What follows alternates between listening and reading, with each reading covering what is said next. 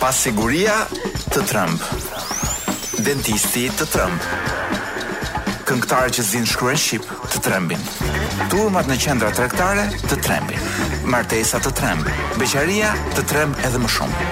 Tabela kujdes shofer i ri të tremb. Çmimet e shtëpive të trembin, kredia të tremb. Po ky është një emision që nuk ju tremb. Sot nuk është e hënë. Sot nuk është e hënë, sot nuk është as ditë pushimi madje, sepse është një ditë pushimi që nuk e meritoni. Me sa kam kuptuar, kjo është dita, kjo është dita pushimi që bëhet për një Majin. Apo e kemi ditën e pushimit për uh, 1 janarin DJ Wiz, nuk mbaj mend më, më sepse bëjmë pushim një ditë dhe për çfarë dite tjetër që e kishim pushim po s'u bë atëherë se do ta bëjmë sot e ku di unë.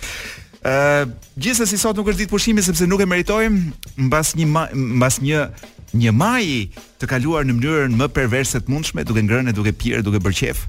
Nja 6 vetë që dolën 10 a 15. Janë ja, janë 30 veta në Tiranë që protestojnë vazhdimisht edhe për 1 maj, ndërkohë që njerëzit që janë pa punë nuk protestojnë, janë janë nëpër. Se s'kanë as kazino, se dikur okay thosha, nuk protestojnë sepse janë kazino dhe ajo një lloj pune ishte. Tashmë nuk ka as kazino se ku shkojnë, domethënë se si e vrasin kohën, ë dhe pse nuk i shqetëson fakti që janë pa punë. Këtë mund ta imagjinojmë, po do duhet të pyesim një për një. Pra një maj ishte një ditë e turpshme në Shqipëri. Siç thot në një poezi të para 200 viteve Ervin Hatibi, më mbaruan cigaret thot në stacion të autobusit duke pritur revolucionin tjetër. Sepse thot më poshtë, gjithë revolucionet e para fundit janë e gjithë jeta ime është e fundme, e fundit. Dhe në ardhtë prap dita thot në fund në rrugë prap do të jem, me gur do të godas patjetër ata që janë grumbull dhe ata që do rrinë vetëm. Pra që para 200 vjetësh e ka parashikuar Ervin Hatibi që ë uh, nuk do kemi më shumë grumbuj, më shumë do kemi njerëz që rrinë vetëm nëpër protesta. Dhe meqenëse jetojmë në një bordel të madh dhe ndaç politik, ndaç shoqëror e ku di unë, e meritojmë një këngë nga Gogol Bordello. Sot nuk është e hënë dhe ky është momenti kur ne bëjmë një pasqyrë të ngjarjeve të javës që kaloi. ku sigurisht mbizotëronte mbizotëronte ajo si biçim, ku di unë çfarë ishte e PD-s, ku pati surpriza, por ndoshta do flasim pak më vonë sepse nuk jam i sigurt që dua të harxhoj nerva kohë edhe veshët tuaj me drameditë, pra dramat dhe komeditë që ndodhin brenda PD-s. Po le të merremi me ngjarjet e tjera të javës. Makroni ka fituar zgjedhjet, që është një gjë pozitive.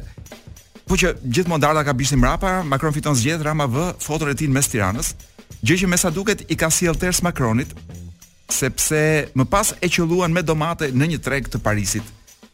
Ju do thonë ja francezët qëllojnë me domate, nuk shqetësohet njeriu, madje nuk është lajm këtu te ne. E para të dhimbset domatja një herë. në qoftë se vjen puna për të goditur kryeministrin. Por është dhe fakti tjetër që në qoftë se po themi në një treg të Shqipërisë ndodhin dy gjëra njëkohësisht, goditet kryeministri me domate dhe vritet një njeri, jemi shumë të sigurt që policia do të sulet për të kapur, për të mbërthyer dhe për të rrahur live atë që goditi me domate dhe jo për të kapur vrasësin, për shembull. Kështu që këto janë arsyet kryesore se pse në Shqipëri nuk kemi rastin të asistojmë në shfaqje falas si kjo. Ë shërbim online pa sportele Rama ka thënë do keni asistentin digital të ngjashëm me Sirin. Ë tash un në një vend që ka këtë lloj protagonizmi nga një kryeministër un pres që Sirin shqiptar ta regjistroj vet Rama me zërin e tij. Ë dhe mund t'i vë edhe një emër ku di un. Tao, për shkak të thrasi. Pra Tao i Shqipërisë do të jetë me zërin e kryeministrit ë që do jetë asistenti jonë digital nëpër shërbimet online pa sportele.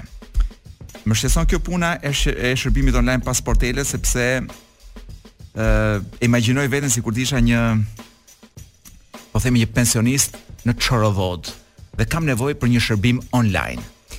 Ë pensionistit nga Çorovoda edhe ndonjë lidhje me me ku di un me Messenger që bën me me kalamajt jashtë, ja bën shitësi i lagjes. Imagjinoni kush do ja bëj shërbimet këtij.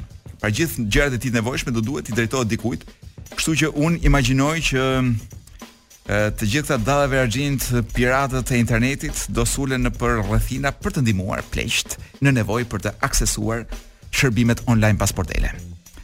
Uh, një tjetër aferë që mban e, jo, më fal. Ë, uh, kish, kishim një lajm tjetër, qeveria i fal plazhin e gjeneralit një kompanie private dhe unë besoj që tani nga plazhi i gjeneralit do të kthehet në plazhin e mercenarit. Kemi edhe një plan tjetër top secret në thonjëza sepse plasi sheshit për Butrintin, rritje çmimit biletës, catering dhe 140.000 euro në vit, Më fal dollar në vit për menaxhimin. Dhe kur flasim për menaxhim, unë imagjinoj që bëhet fjalë për menaxhim xhepash. Sepse është shumë e vështirë DJ Wiz të dish se në cilin xhep duhet futur cili zarf. Sepse dikur ti paguaje në një vend dhe mbaronte ai muhabet, tani duhet duhet paguash në nja 10 siç kam dëgjuar. Për çfarëdo gjë duhet paguash në 10 20 vende. Edhe nuk e di kurrë se pra ti shkon paguan dhe thotë ai, po shikoj duhet paguash aty. Rama paska thënë Presidenti ideal i Shqipërisë dhe Kosovës do të ishte Hashim Thaçi. Që përkthehet, presidenti ideal i Shqipërisë dhe Kosovës do të ishte, po themi një shoku im i vjetër, i cili është njeri i cili nuk ma kthen kurrë fjalën kur i kërkoj ku di unë, lekë borxh dhe është dhe i akuzuar për krime lufte në Hagë. Pak a shumë këto janë kriteret që ka kryeministri për presidentin e përbashkët të Shqipërisë dhe Kosovës, por më vonë do të trajtojmë 10 kriteret që duhen për të plotësuar nga presidenti i ardhshëm i Shqipërisë. Për momentin do të rikthehemi tek muzika me kështu frymë si ushtarake do thoja unë, System of a Down. Nuk është një grup që nuk e nuk e mbajnë dot të gjithë, se ka një moment kështu që domethënë ngrihen çikë si lart për veshët e lodhur dhe depresë të shqiptarëve, por është vërtet këngë ushtrie Soldier Side. Këta ishin System of a Down me of a Down me Soldier Side, një këngë ushtrie siç thashë. Ai që është një këngë, kështu që po të po të përqendrosh pak edhe te teksti, kështu sikur të gërryen nga përbrenda. Dhe ë po themi qershiza mbi tortë e javës së kaluar ishte autobuzi i cili bëri nja dy salto dhe kërceu mbi Lanë. Ë për fat të mirë ishte një ngjarje me sa kemi dëgjuar dhe me sa na kanë thënë, ë pa viktima të dukshme. por ishte shumë rrënqethëse në pamje dhe unë mendoj që do të ishte momenti i duhur për të diskutuar nja dy tre gjëra. Ë do të ishte momenti i duhur për të diskutuar për sigurinë urbane tashmë. Ne e dimë që jashtë Tirane je në dorë të Zotit. Por ka dhe zona të cilat Zoti i ka braktisur, ku di unë është aksi i Milotit, ku di unë Fushë-Krujës andej ku Zoti ka thënë këtu nuk do merrem për momentin, do do rikthehem pas 10 vjetësh për të parë se ç'bëhet. Tashmë edhe brenda Tiranës ka autobusë që fluturojnë. Mirëpo nuk shoh që të të diskutojë njeri për këtë çështje, edhe për shpejtësinë e autobusëve, edhe për gjendjen teknike të autobusëve.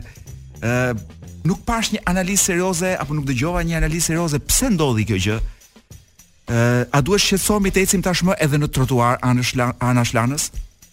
Nuk arritëm të dëgjojmë asgjë sepse e vërteta është kjo që nxituan për ta përmbytur me propagandë gjithë këtë ngjarje dhe për të na hallakatur mendjen me ë me Bienalen e Venecias. ë domethënë, a duhet ne të bëjmë një instalacion sikur instalacioni është problemi i madh i ur- i, i qarkullimit ë, në Tiranë. Ë në të vërtetë aty nuk duam instalacion, unë do doja një le të themi një një një një kryq ku të kryqëzojmë gjithë njerëzit që janë përgjegjës për këtë ngjarje. Ë për të mos folur që ky instalacion i famshëm është aq i shëmtuar për t'u parë dhe unë nuk mendoj që kemi nevojë për shëmtira të tjera më në në kryeqytet.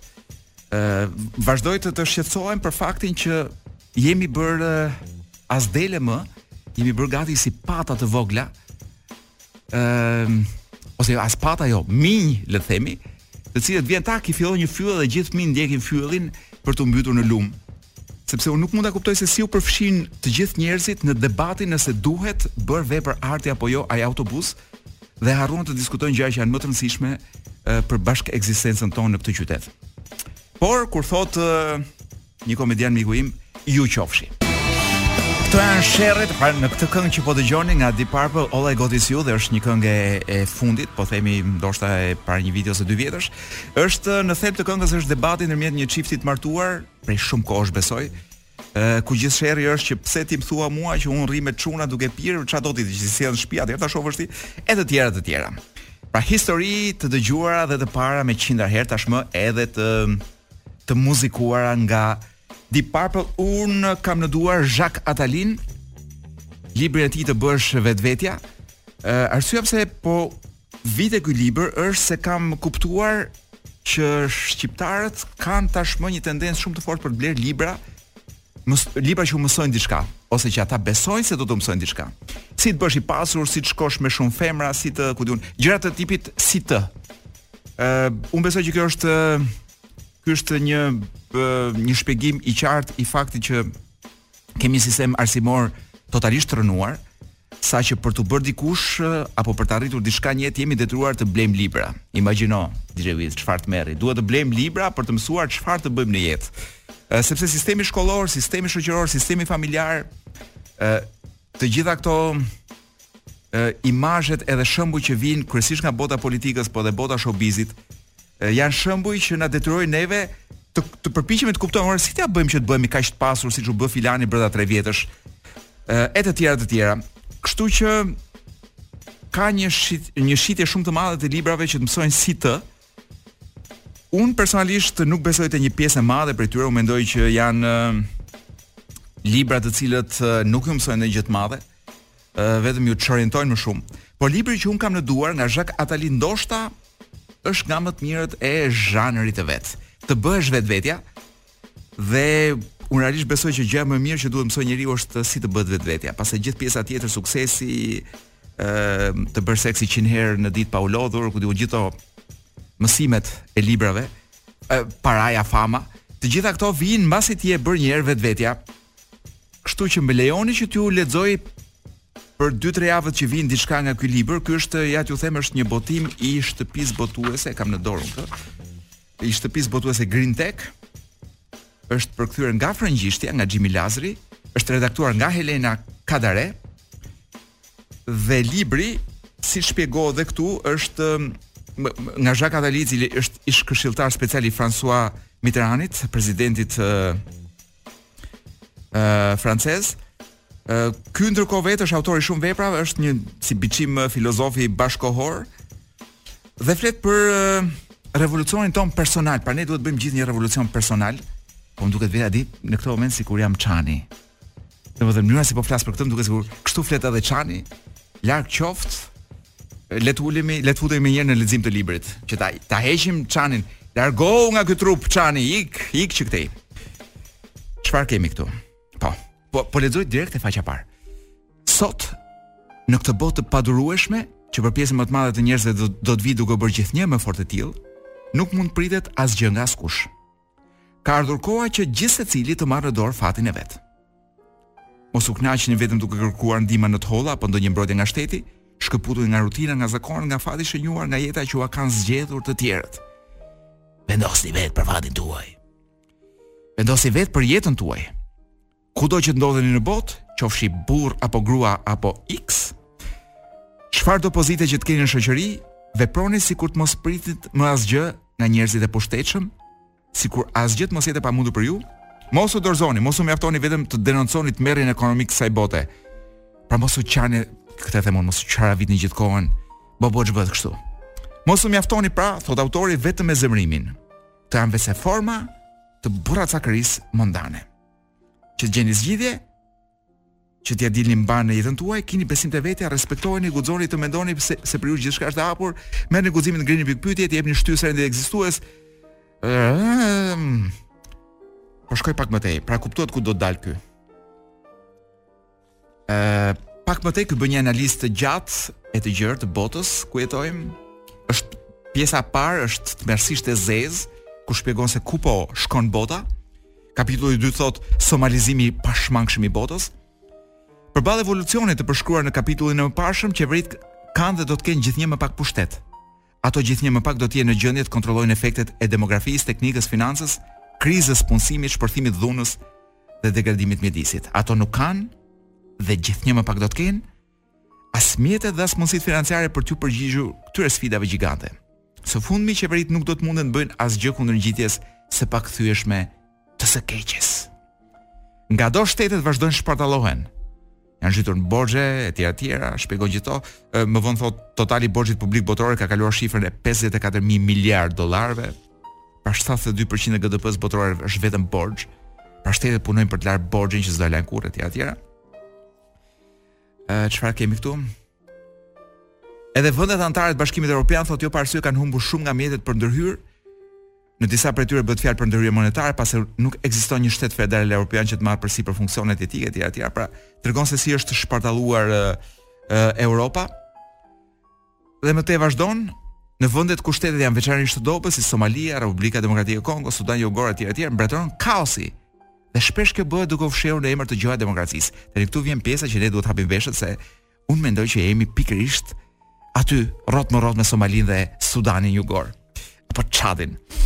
Ehm um, Dhe ku thot Argjentina nuk shlyen dot borxhet, Meksika ku janë 9 nga 50 shtete më të, qytetet më të rrezikshme të botës, nuk arrin dot të ndalojë trafikun e drogës. Në Rio de Janeiro 1 milion persona që jetojnë në 700 bidonvile nuk mund të përdorin shërbimet publike. 680 milionë të tjerë në Uttar Pradesh nuk kanë mundësi as për ujë të pijshëm, çdo vit 1000 miliard shkojnë për për për 1000 miliard dollar në gjithë botën shkojnë për ryshfete. E kështu me radhë. Dhe pasaj shkon kush kjo pjesa që thoshte se thoshte bukur DJ Wiz. Apo, bota do të ngjasoj gjithnjë më tepër Somalisë së vitit 1991. Pra ky flet për një somalizim të botës.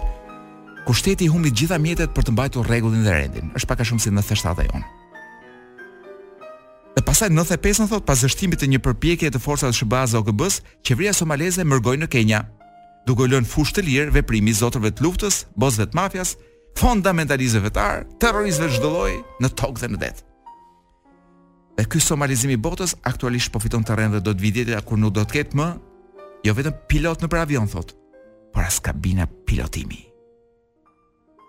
Gjithsekujt do t'i duhet të zgjedh mes nënshtrimit dhe rebelimit? Rrëqethje. Pra është një botë totalisht e zezë, por ka një zgjidhje më vonë, të cilën do ta lexojmë në javët që vijnë. Jacques Attali kisha në duar, merrni në dorë jetën tuaj. Titulli i librit është Të bëhesh vetvetja, një nga librat më të mirë të zhanrit të vet. Këta ishin Balthazar me The Oldest of Sisters nga albumi i tyre i fundit Rats. Ë, DJ Wiz sapo mësova që paskemi zbuluar pse jeta jonë është vetëm 80 vjet. Dhe më kap një xhelozi shumë e madhe kur marr vesh që ka, po themi disa lloje peshqish që jetojnë ku di unë nga 200 vjet, nga 220 vjet, them po është peshk. Po DJ Wizi për shembull është DJ. Po si mundet që një peshk të jetojë trefishin e një DJ? Don çka ka ky DJ që të mos jetojë sa peshku për shembull. ë qenka bërë një studim i gjerë dhe i gjatë që hedh don hedh një ide të re se pse ndoshta neve vdesin dhe gjithë puna qenka që qelizat tona u mutonkan DJ Wiz. Si se nuk di se ta përkthej mut, fjalën mutation, mutation. Pra është gjë qelizat tona që transformohen, pra është një lloj transformimi të qelizave. Këto tonat u transformokan, pra e gjitha ka të bëjë me ritmin e transformimit të qelizave. Imagjino, një xhirafë për shembull, ë uh, se xhirafa me miun kanë pak, jo me miun, fal të gënjeva. Xhirafa me kë kishte më një lloj se më iku, aq më iku, me xhirafë që këtej. Ë uh, do të xhirafa edhe më duket se një lepur e kishin të ngjashëm atë jetëgjatësinë dhe e gjitha kjo sepse kanë të njëjtin uh, numër mutacionesh në trupin e tyre. Kështu që derisa ne të arrijmë të ndryshojmë mutacionet, nuk do arrijmë dot as ta zgjasim jetën tonë. Madje, Me gjithë ata kancerat vërdall thonë që jeta jonë do zvogëlohet edhe më shumë dhe ka thashetheme të zeza që brezi jonë DJ Wiz do jetojë më pak se prindërit tanë. Sepse shumë mutacione po na ndodhin. Kështu pra. Duhet gjetur një formë që të jetojmë po të kemi edhe qetësinë që kanë ë do thoja unë breshkat. Kanë qetësinë edhe atë moskokëçarjen e breshkave për të jetuar jetën. Pra derisa të arrijmë ta gjejmë atë gjën, edhe të mos mutohemi kaq shumë, nuk do mund të jetojmë gjatë. Okean Elzi, këngëtari im i preferuar ukrainas me Rendezvous. Janë shumë gjëra që të trëmbin dhe jemi tek pjesa ku edhe muzika të trëmb, edhe të rrënqeth madje. Prej tre javësh po bëjmë një analizë shkencore, do thoja unë, të muzikës shqiptare të kësaj gjëje që nuk di çfarë emri t'i vë, po e quajmë muzika bashkëkohore shqiptare, që është diçka ndërmjet turbofolkut, tallavasë dhe ritmeve latine dhe reggaetonit. Po e gjitha bërë një turli siç ua ka ënda shqiptarëve. Dhe muzikës jo dhe aq të largët, po them muzikës italiane dhe kam marrë në studim albumin e Jovanottit Mediterraneo. Ë folëm një herë se si muzikantët e vërtetë prodhojnë albume, nuk prodhojnë hite vere. Ëm folëm pastaj për për gjëra të tjera që ka të bëjë me muzikën, folëm për gëzimin që ka ose mënyrën se si mund të përcillet gëzimi dhe hareja në një këngë të Jovanottit, se si është ajo në një këngë shqiptare. Tani do të flas pak për dy gjëra. Do të flas shumë ndoshta për dy gjëra. E para është dashuria. Dhe e dyta është se si ne ë përveç se dashurisë mund të flasim dhe për gjëra të tjera. ë për shembull, ë e vetmja këngë që pata dyshimin që mund të ishte një këngë me ndjeshmëri sociale, është kënga kokaina. Por që nuk më doli fare me ndjeshmëri sociale, më doli më tepër sikur ishte një himn për kokainën. Ë, uh, dhe ja ku kam këtu një tekstin e një kënge të Xhovanotit nga albumi i fundit Mediterraneo. Kënga titullohet Everest. Pra, ndërkohë që këte kemi kokainë, o DJ Wiz, a ta gjejmë një çik tekstin e kokainës. Kokaina. Si e ka emrin ai burri që ka kënduar? Burri. kokaina teksti Don Xhoni është ai? Ah, sa kam dëgjuar për këtë Don Xhonin. Nuk e di nëse do vijë rasti ndonjëherë të takohemi dhe t'ja them në sy. Ë, uh, sa shumë e duan këtu në radio, kalamajt e radios. Apo ky e ka bër kokaina, ja lirikat e kokainës. Ë, uh, zemrën ma ki marr si kokaina, zemrën ma ki marr si kokaina. Pra kjo është dashuria në fakt. Atëherë do flasim për dashurinë DJ Wiz. Ë dashuria këtu është ti e kokaina, jeta na u bo drama sikur në filma, s'jam kam unë, nuk e kuptoj mirë. Domethënë ë zemrën ma ki marr, pra, pak a shumë është kokaina dhe dhe zemra e marr, pra dashuria dhe kokaina për këtë janë e njëjta gjë. Dhe ja kthehemi tek kënga Everest e Xhovanotit. Ë Që si gjithë këngët e këtij burrit është një këngë shumë poezi. Është një këngë ku ky flet për botën si është, për shëmtinë e botës dhe se si dashuria është e vetmja gjë mes kësaj ë mes kësaj shëmtie që ka kuptim. Po përpiqem ta përkthej nga italishtja trash trash. Bota thot është si një kanal shkarkimi thot, dhe nuk jam unë që e them i, i, i pari, është një vend ku ka vetëm padrejtësi me përjashtim, me përjashtime të rralla, ta heqin entuziazmin. Thjesht sepse ashtu ua ka qefi. Dhe përfundon shumë keq në qoftë se përpiqesh të ngresh të ngresh kokën. Funksionojnë thot vetëm mediokrit. Ata që nuk shkaktojnë asnjë lloj problemi për askënd thot. Gjithçka do të thënë është një bla bla bla thot. Që duket sikur është një fole milingonash. Ka njerëz të cilët mimetizohen thot me ambientin thjesht për t'iu shmangur problemeve. Dhe më tej thotë ajri thotë në këtë qytet thotë është toksik.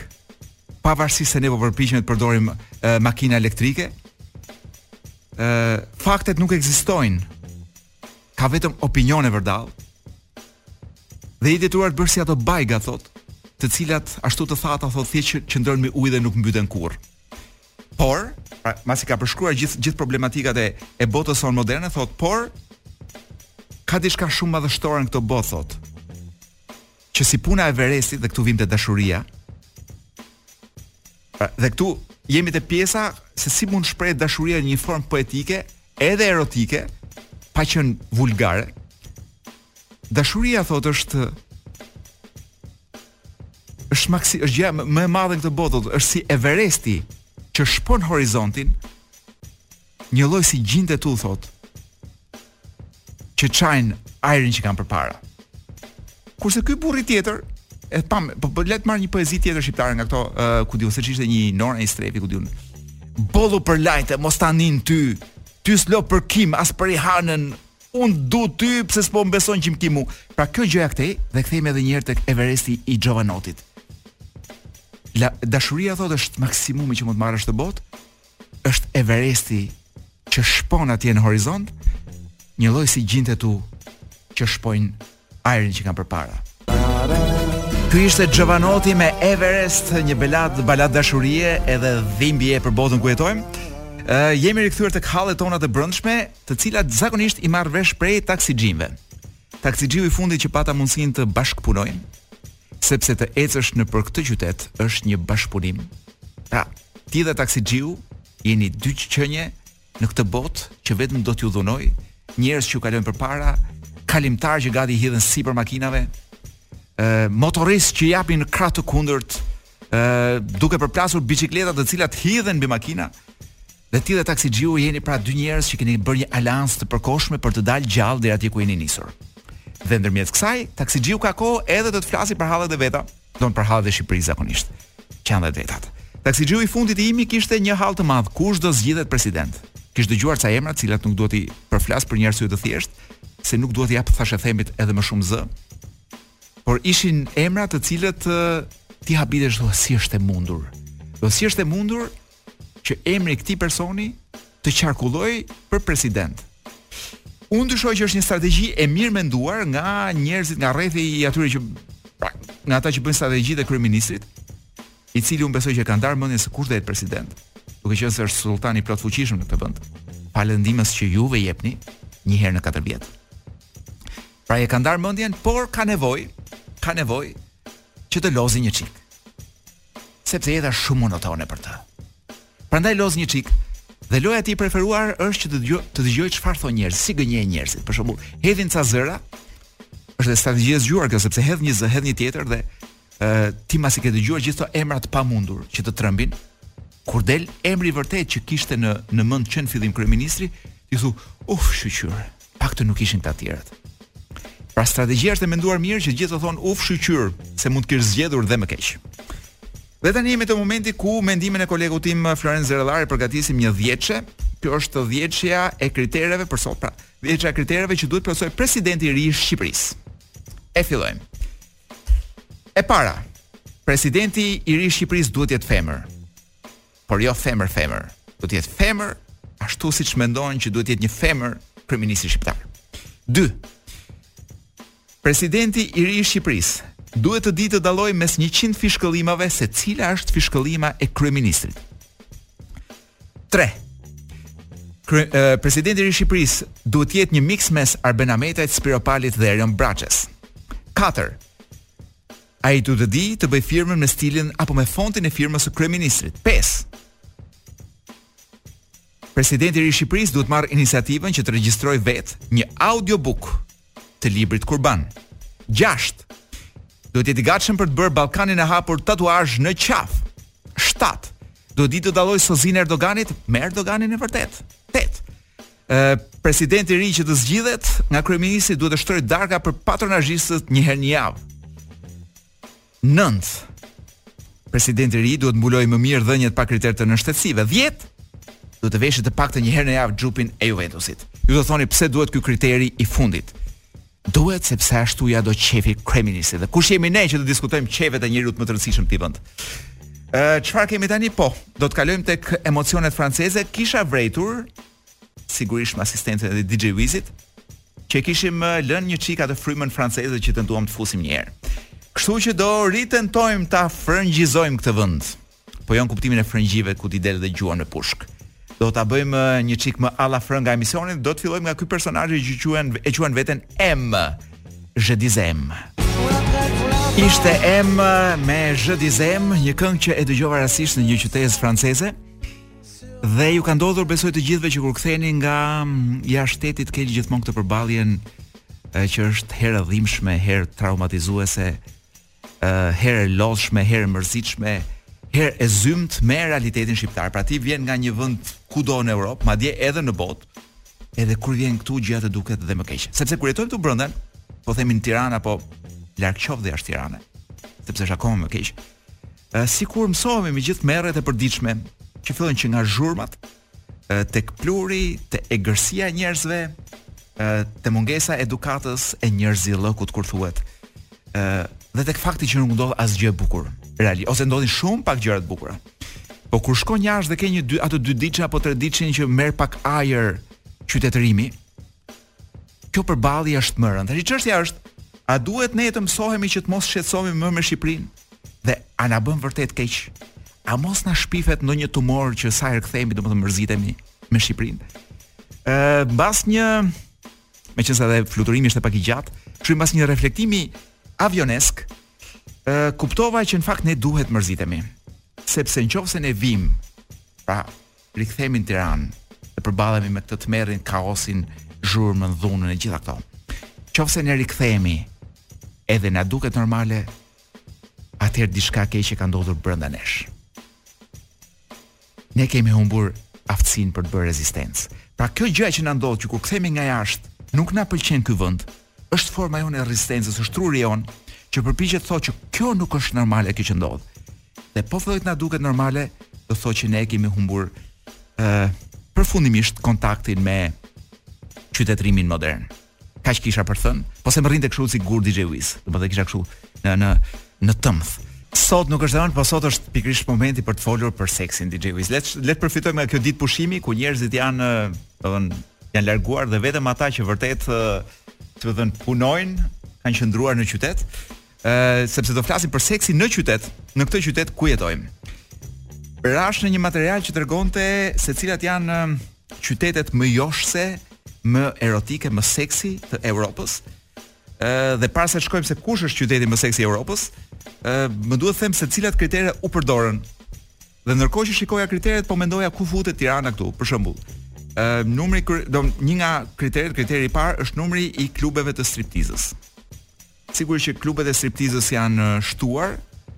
ë Madje kam parë një klub striptize diku në autostradë, diku andej nga se ç'ishte një nga këto qytezat e vogla të humbra, një qytezë minatorësh dhe mu atje kishte një klub striptize, shpresoj që të përdoret vërtet për striptiz dhe jo për qëllime të paligjshme.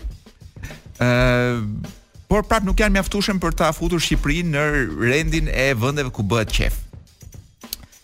Ë uh, një kriter tjetër është numri i eventeve të seksit. Eventet e seksit DJ Wiz janë gjëra të tipit ku di unë, mund të jenë të lloj-llojshme dhe unë për shembull gjithmonë ëndërroj që në Tiranë të organizohet një le të themi një mbrëmje leximi poezish nudo. Për shembull, që më duket një gjë shumë e bukur, kur njeriu zhvishet nga çdo, po them nga çdo aparencë e gënjeshtërt, edhe është vetvetja, edhe lexon poezitë e ku di unë Dritëro Agollit, le të themi. ose ku di unë se të kujt tjetër, të Fatos Arapit ndoshta. Ë numri i eventeve të seksit, po themi publike, ku mund shkohet me pagesë është zero praktikisht. Pra këtu jemi në deficiencë totale. Mjafton të them që ja të gjej sa janë në Berlin DJ Wiz. Në një, një, një vit para një dy vjetësh, domethënë, duket, jo, për para pandemisë, në 2019-ën Berlini kishte 244 evente seksi. ku hyjnë që nga partit, ku shkon DJ Wizi për shembull dhe gjithë publiku është topless, po themi është si zhveshur nga mesi e lart, e deri dhe parti erotike me tematika të ndryshme ku di unë se çfarë. Ne këtu jemi, siç tham, në nivelin 0. Një kriter tjetër është numri i pornostarëve që kanë të njëjtin emër si qyteti. Tashi ta merr mendja ty që Mia Kalifa për shembull do të kishte emrin Mia Tirana, ose larg qoftë Mia Kuksi ose Mia Tropoja ose Mia Poliçani. Ndoshta Mia Saranda mund të qëndronte, pra Saranda ka një shans. Po unë nuk e di se kush mund të jetë një ose një pornostar mashkull për shembull, Jeff Tirana, Roko Tirana, nuk nuk më rri fare. apo Stormi Tirana. Nuk e kemi atë lloj uh, joshje ne për pornostarët që të që ta marrin emrin dhe ta përdorin për mbiemër. Numri i hoteleve një orëshe, mashallah këtu jemi mirë, po këtu vjen te arsyeja pse kemi kaq shumë hotele një orëshe është që njerëzit nuk kanë shtëpi ku të jetojnë. Ë pra as të bëjë dashuri me gruan e vet, kështu që për të ikur lë kalamajtë në shtëpi te vjehrra dhe merr një motel i shkreti për të bërë seks. Pra nuk nuk e di nëse quhet kjo puna e moteleve. Ëh, një kriter tjetër është numri i anëtarëve të OnlyFans. OnlyFans është një vend ku me sa kam dëgjuar DJ Wiz, me të dëgjuar e kam. Ëh, ti futesh atje dhe ka njerëz të cilët performojnë për ty në mënyrë erotike. Pra po njerëz të thjeshtë.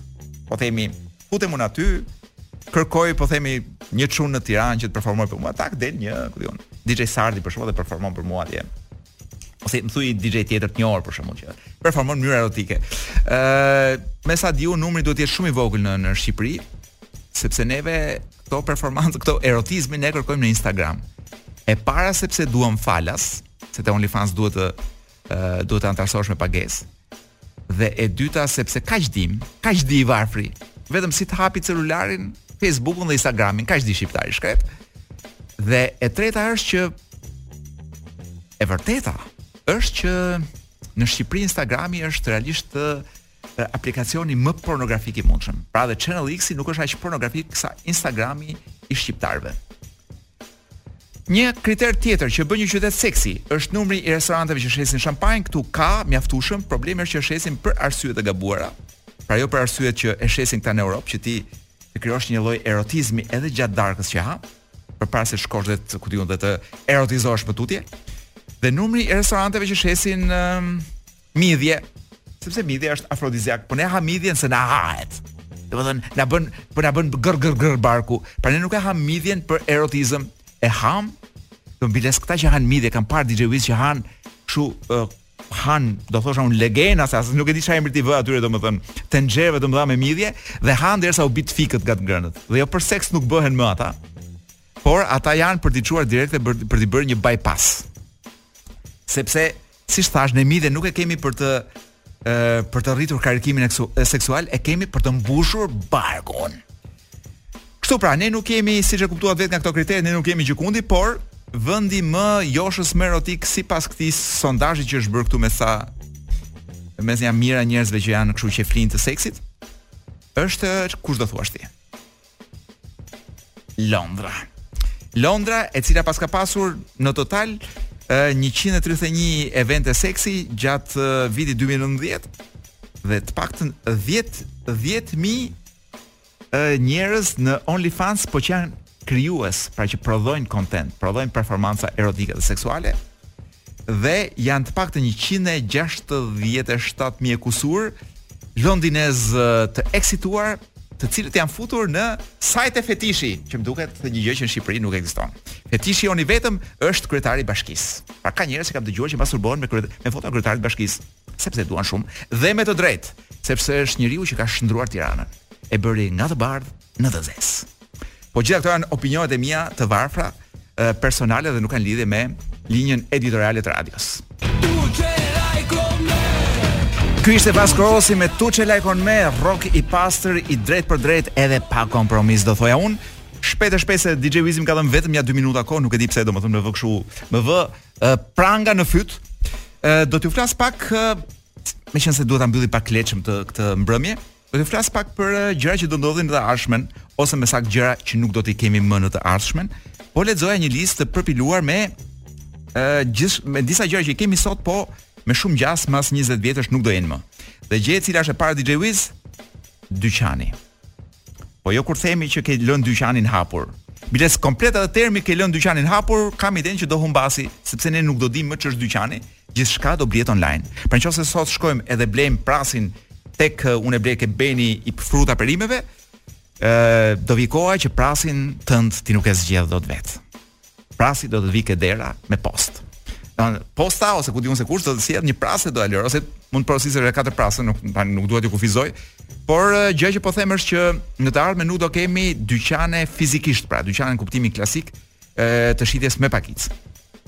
Kompanitë e kablit, e, të cilat ne nuk kemi pasur fatin e madh t'i njohim, sigurisht në qytetet e vogla të Shqipërisë kabli është futur, por epokën e artë të kabllit që ishin vitet ku di unë 80 apo 70 apo 90-at ne nuk i kemi jetuar dot siç duhet. Kabli që kur dolën Netflix-at me shoqe, ë kompanitë e kablit janë në rënie totale. Po lexoj këtu që ë brenda 10 viteve të fundit ata kanë pra kompanitë e kablit në Amerikë kanë rënë me 43% të abonimeve. Pra, dikur 90% e shtëpive amerikane kishin një kabëll ose lidhje satelit. Nuk do jetë më. Ë kabli po zhduket, gjithçka do jetë streaming, Netflix-era gjëra, kabllat do i përdorim ku di unë se çfarë. Ë për të bërë shpatash në krevat, nuk e di se çfarë. Ë tjetër, degët e bankave lokale me sa kuptoj unë do të zhduken gradualisht sepse gjithçka do të kalojë online. Ë teatrot. Jo vetëm teatrot, po Sidomos kinematë DJ Wiz do zhduken. Sepse ne e, do vëmë ca kufje dhe ca syze në kokë edhe do bëjmë sikur jemi duke parë një film bashkë, po ti do jesh në Dhërmi, unë do jem ku di unë, në Laprakë. Edhe do do bëjmë sikur po shohim filmin bashkë. Ah ç'kohëra të poshta që po vijnë do, nuk bën nuk merr dot një shok dhe krah për krahu të shkosh të hani nachos si Naçot në kinema ku të shohin gjithë shtrembër, a thonë qenkan gay. Domethënë, nuk guxon shkosh me shok në kinema se të marrin njerëzit sikur ti po shkon për për të bërë turpe. Nuk është ashtu. Dhe gjëja tjetër që po zhduket është telefoni tokësor. Pain of Salvation Sleeping Under the Stars dhe nuk mund të rri pa thënë që ë sa herë që unë e fshi nga memoria Bleonën, thjesht e fshi. Domethënë unë harroj që ka një Bleonë në këtë botë. Bleona ia del të më dal përpara. Domethënë sikur ti do të shpëtosh gjallë, po gjithmonë është një makinë që të del diku aty ku se pret dhe të përplas mas murit. Dhe kam fjalën për këtë batutën e Bleonës që ishte ishte shumë për të qeshur, edhe pse më erdhi në një moment dhe për të qarë e cila tha diçka të tipit mbasi dolën lajme që paskësh qenë diku në listën e PD-së apo ku di unë se çfarë, Ku mund të jetë një Bleonë tjetër dhe jo kjo se nuk është vetëm një Bleonë në Shqipëri. Paska thënë diçka të tipit unë zgjedh vetëm qeverinë e shteteve të bashkuara. Ku Bleona konfirmoi edhe një herë që përpara green cardit amerikan nuk vendos asnjë njeri dhe asnjë lloj dokumentacioni tjetër. Dhe mirë e bën në fund të fundit o DJ Wiz. Po i ndodhi diçka e keqe për shembull në Afganistan Bleonës. Kush do e shpëtojë Bleonën atje? qeveria shqiptare? Do çojmë ne një ministër të të brendshëm atë jashtë, ku di unë se çfarë, domthonë ministri i policisë për ta shpëtuar ja. Nuk e bëjmë dot. Amerikanët do e shpëtojnë. Big in Japan. Kemi një këngë të vjetër, por që ka ardhur me një lustër të re. Ta janë Guano Apes. Un largohem nga studio, do të rikthehem mbas një jave për një tjetër ditë kur nuk është e hënë. Un jam Koloreto Cukali, kjo është Top Albania Radio dhe tani do shkojmë rëndshëm, lartësisht fuqishëm në Japoni. Big in Japan me Guano Apes.